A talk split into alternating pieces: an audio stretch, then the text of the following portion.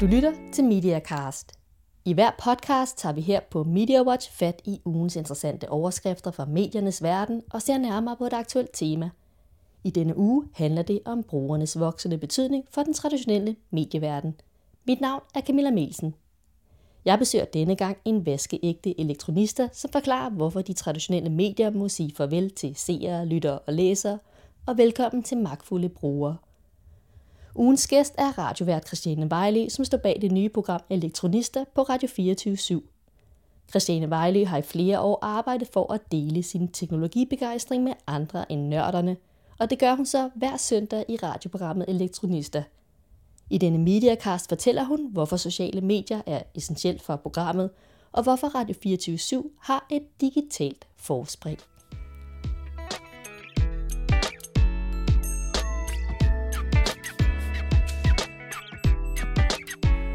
Men først skal vi se på nogle af de største overskrifter i mediebranchen i ugens løb. Tine Brødgaard Hansen, du er journalist på Media Watch. Hvad har rykket, og hvad har I skrevet om her på Media Watch i ugens løb? Noget af det, vi har skrevet rigtig meget om, er øh, Ekstrabladets afsløring af spindoktoren, som til Sydland har forsøgt at uh, sælge dem nogle oplysninger omkring Helle Thornings skattesag. Men øh, det, der sådan er, er den, den mere direkte medievinkel på det, er jo, at det kan være, der simpelthen skal være tv-transmissioner fra den her undersøgelseskommission, som nu skal komme øh, til bunds i, hvad søren der er foregået i den her sag. Og det har både News og Update fra DR meldt sig på banen til. Det vil de rigtig gerne sende direkte øh, og omfattende fra. Så, øh, så det kan være, at det bliver en mulighed. Men det, det lyder nærmest som om, at øh, vi får amerikanske tilstande, hvis, øh, hvis vi lige pludselig begynder at få tv-transmission fra, jamen fra, fra retten af. Ja, det øh, håber tv-stationerne måske også, men det er ikke alle, der er enige i det. I hvert fald er formanden for Dommerforeningen øh, ikke så tilfreds med den idé. Han mener, at det bliver en glidebane, skal der så til at sende, som du er inde på, fra alle retssager. Og øh, Jeffs øh, formand er bestemt heller ikke glad for det. Han mener, at det vil udvikle sig til reality-tv. Så vi må se. Et af de emner, vi har haft meget op at vende her i, i, i Mediacast og på Media Watch generelt, det er jo det her med, med hvordan går det med dagbladene. Hvad, hvad nyt er der med, på, med aviserne? En af de mere markante udviklinger, der tegner sig for 2011, det øh, er, at øh, politikken, øh, i hvert fald fra januar til november, simpelthen har haft generelt flere læsere end øh, Jyllandsposten. 16.000 mere flere læsere i gennemsnit per dag, og øh, har faktisk haft et gennemsnit på 377.000 læsere øh, dagligt. Og det er så kun på hverdag. Et af efterårets store samtaleemner for mediefolk, det har været det her med, at øh, der er kommet en ny radiostation, Radio 24 og direktøren Jørgen Ramskov, han har tidligere meldt ud, at, øh, at Radio 24 ikke øh, har som mål første omgang at få mange lyttere, men alligevel har de imponeret med deres lyttertal. Hvad nyt er der om Radio 24 lyttere? De har øh, været udsat for et fald, øh, Radio 24 i antallet af lyttere i sidste uge, hvor det ellers har ligget meget flot på omkring øh, en halv million omtrent, er det faldet til 380.000. Men øh, det man så skal huske at have med, er, at øh, Radio 24 share, altså deres lytningen, ligger fortsat på 2%. Så de øh, lyttere, der er tilbage på Radio 24 de er simpelthen blevet gladere for den, kan man måske konkludere. De er i hvert fald blevet mere lojale og har altså lyttet mere. Så, så færre lyttere har lyttet mere. Tak skal du have.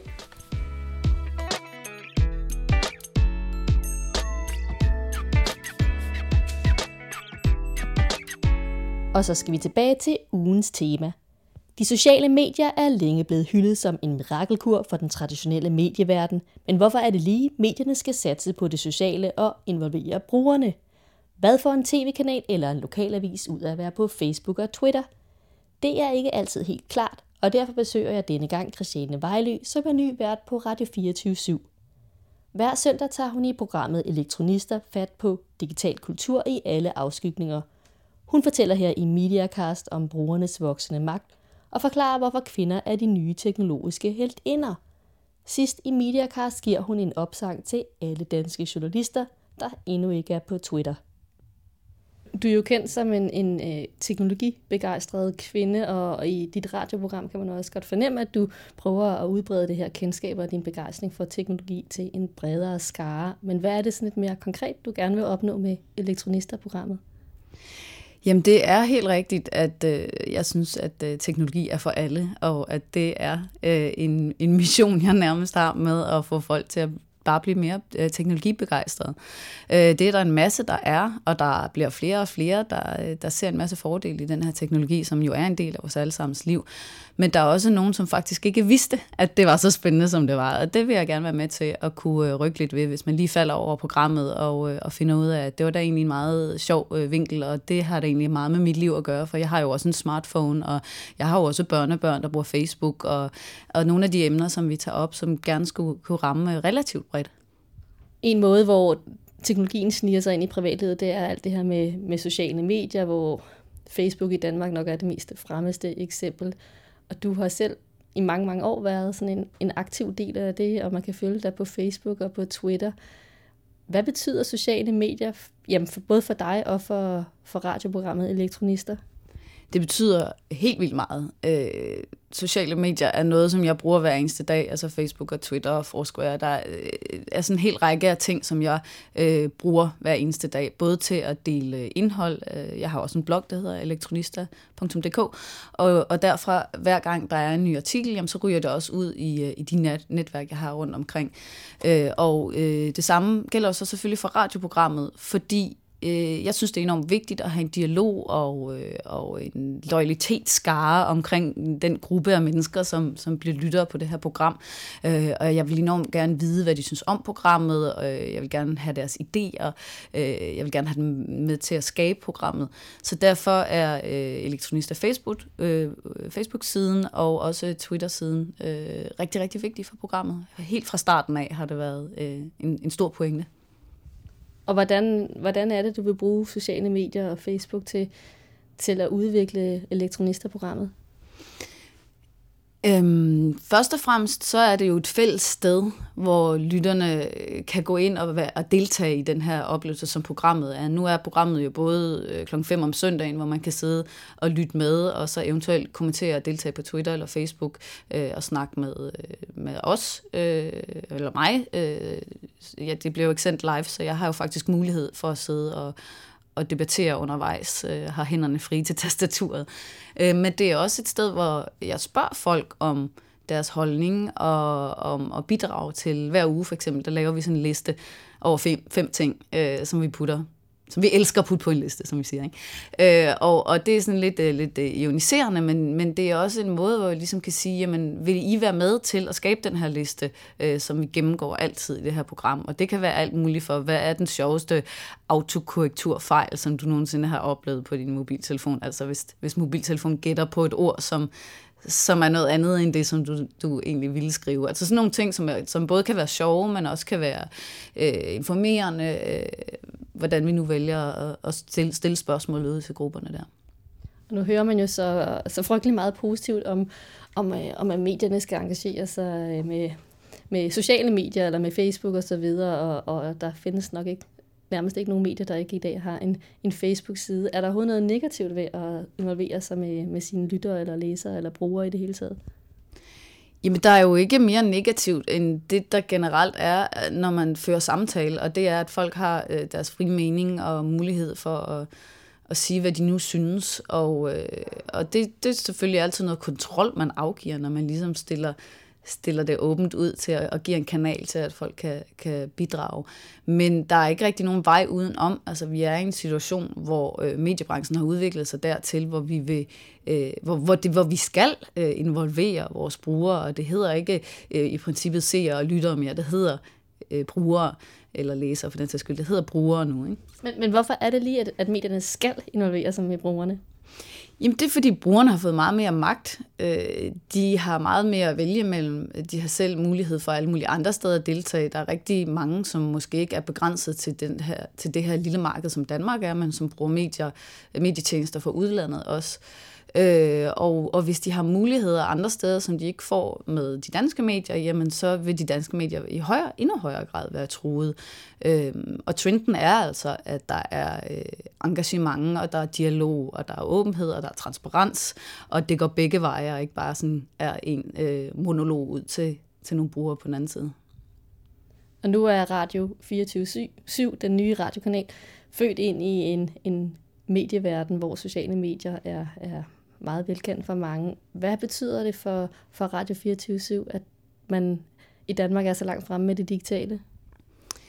Jamen, vi er ikke nødvendigvis vildt langt fremme på det digitale, eller på i hvert fald med sociale medier, når det gælder medier, øh, hvis du spørger mig.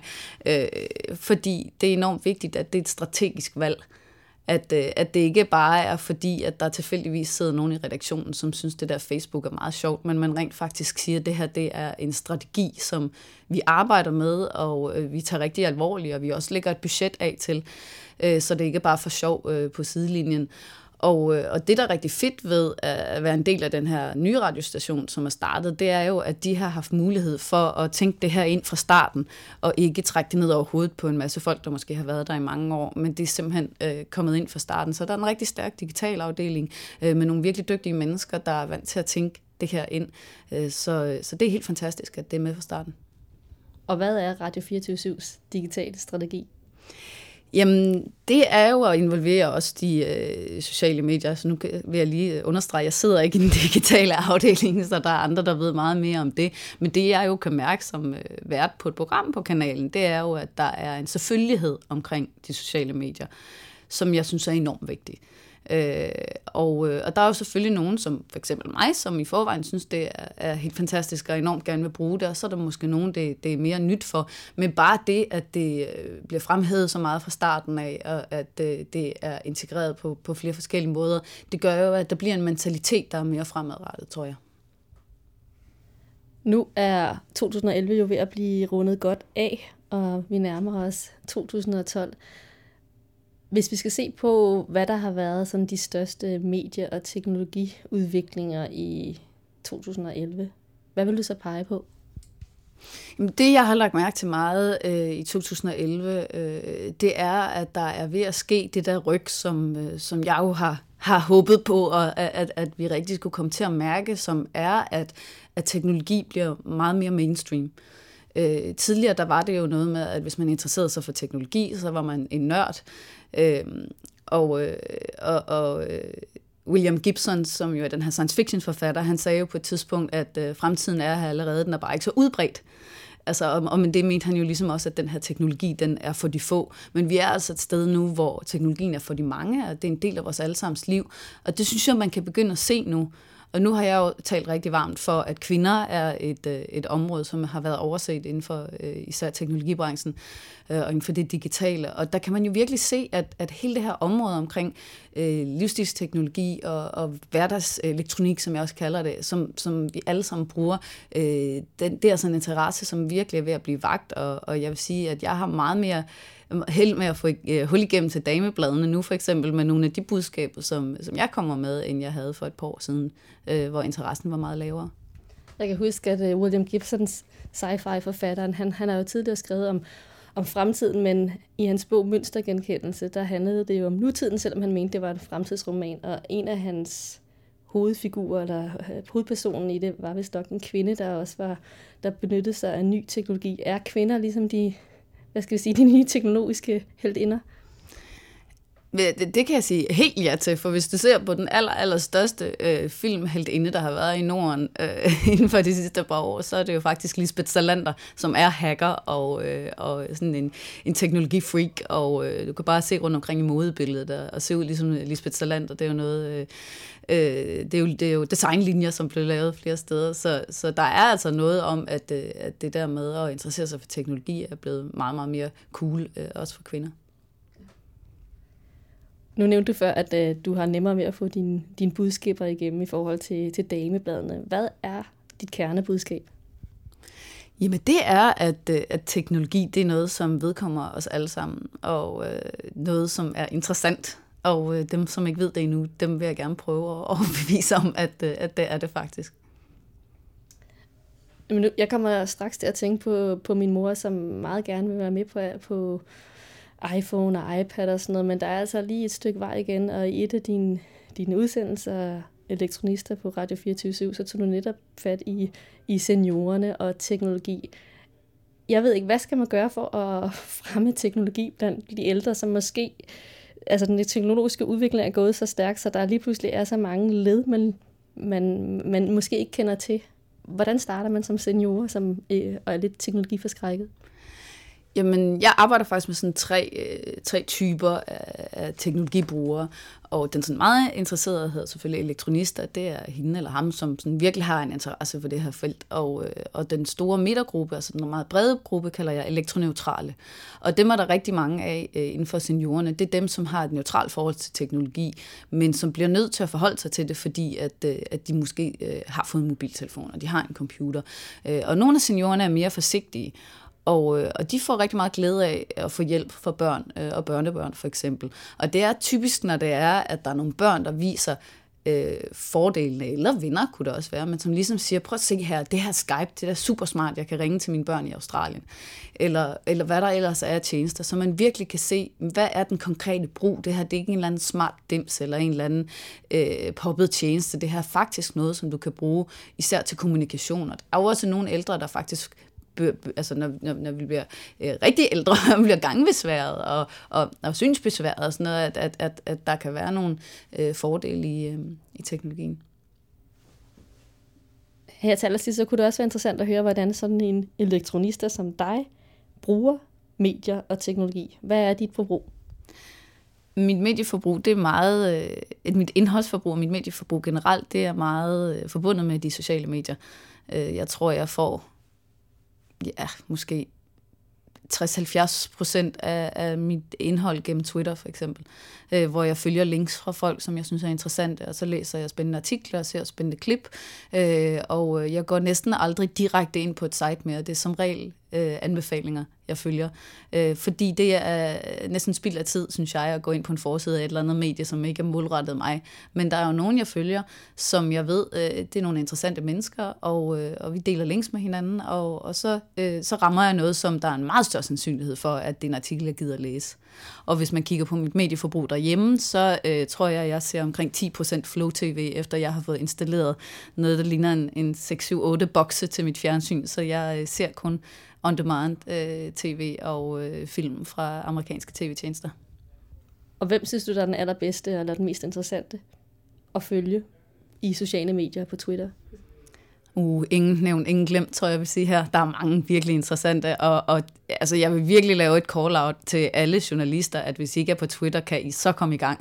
For det, det er simpelthen så stor en fejl, ikke som journalist eller som mediemenneske, at benytte sig af den, de muligheder, øh, og det hav af information, som man kan få adgang til, og som man kan spare tid i forhold til research, og man kan få øh, fat i kilder, som kan være relevante. Øh, man kan finde historier, før øh, der er nogen andre, der øh, øh, finder dem, hvis man er hurtig. Altså, det er simpelthen så vigtigt øh, som, som mediemenneske at være på Twitter. Det kan jeg understrege nok. Jeg tænker lige selv personligt, puh, hvor skal man få tiden til at også at være på Twitter, men øh, jeg tror også, jeg vil love, at i 2012 skal jeg nok også selv komme på Twitter. Tak skal du have. Tak fordi jeg må være med. tak til ugens gæst, Christiane Vejlø. I næste uge spår Christiane Vejlø og andre medieanalytikere, hvad der bliver the next big thing i mediebranchen. Så lyt med i næste uge, hvis du vil vide, hvad der venter dig i 2012. Denne Mediacast er produceret af Melsen Media for MediaWatch og podcastet med hjælp fra Podconsult.